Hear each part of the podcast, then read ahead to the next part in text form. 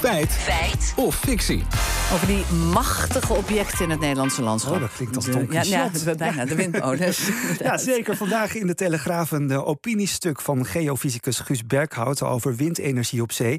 Hij zegt in dat artikel dat een windturbine van 10 megawatt gemiddeld maar slechts 4 megawatt produceert. En dat dat ook nog eens ieder jaar minder wordt door zoutwatercorrosie en slijtage. Dus ze leveren eh, minder dan de helft daadwerkelijk op. Ja, dat lijkt Ja. me niet heel rendabel. Nee. In principe is het misschien wel een beetje logisch, omdat het soms windstil is en de opbrengst dus daarom lager. Maar zoveel minder, van 10 naar 4 megawatt. Zijn we gaan checken. Te beginnen bij Gerard van Bussel, hoogleraar windenergie aan de TU Delft. En die vertelt hoe die 10 megawatt wordt bepaald. Die 10 megawatt zegt dat er een generator in die windturbine zit die 10 megawatt kan produceren. Maar 10 megawatt kan pas als het windkracht vest waait of harder. Waait het minder, dan kan zo'n eh, generator ook minder produceren. Ja, minder wind, minder energie, oké. eh, maar, maar er zijn vast nog andere factoren. Ja, dat vroegen wij aan Jan-Willem Wagenaar, programmamanager windenergie bij TNO. Het kan dus minder waaien, maar soms ligt een windpark ook helemaal stil voor onderhoud. En dan is er nog iets. En een derde factor is dat de turbine niet alleen opereert, maar in een windpark.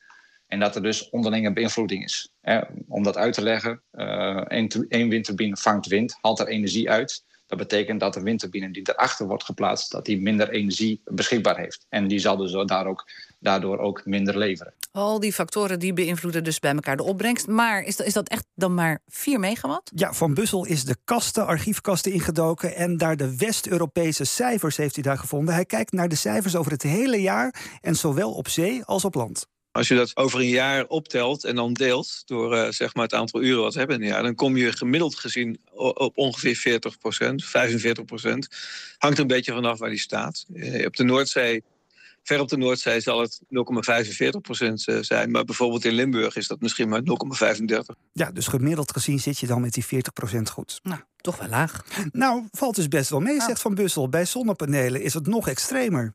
Een beetje een zonnepaneel heeft een vermogen van 400 eh, watt piek, zoals dat dan heet. Maar in de praktijk komt er gemiddeld gezien minder dan 40 watt uit. Dus dat is nog minder dan 10% En dat komt natuurlijk omdat het s'nachts eh donker is. En ook omdat eh, als het overdag licht is, het lang niet altijd zonnig is. Maar ho- hoe zit het dan met onze berekeningen voor de klimaatdoelen? Gaan die Ja. dan uit van die 10 megawatt, hè, zeg maar wat op de verpakking staat, of de 4 megawatt die je krijgt? Nou, in de windparken wordt volgens Wagenaar vaak gesproken over wat het parken als maximumcapaciteit heeft. Maar Daarachter zit natuurlijk wel de berekening en inschatting van hoeveel elektriciteit, hoeveel energie dat moet opwekken. Dus hoeveel megawattuur of gigawattuur dat moet opleveren. En wat dan bijdraagt tot uiteindelijk de, de, de klimaatdoelen.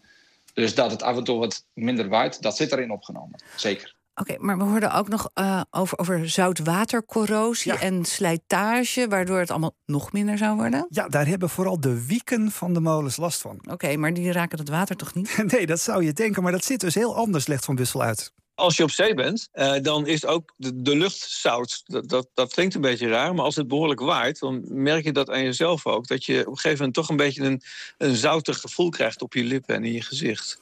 Nou, daar, hebben die rotorbladen ook last van. Ondanks het feit dat ze hoog boven de zee draaien... komt er toch zoute spray in. En die snel draaiende rotorbladen met die zoute spray... dat geeft aanleiding tot extra corrosie. Maar ja, ze zijn niet van zout. Het heeft geen grote gevolgen. Volgens Van Bussel levert de molen wel iets minder op, maar is dat niet extreem. Oké, Lammert, feit of fictie? Voor elke windmolen in Nederland is de opbrengst weer anders. Maar globaal gezien leveren windmolens in Nederland inderdaad 40% van de maximale capaciteit. Dus het is een feit.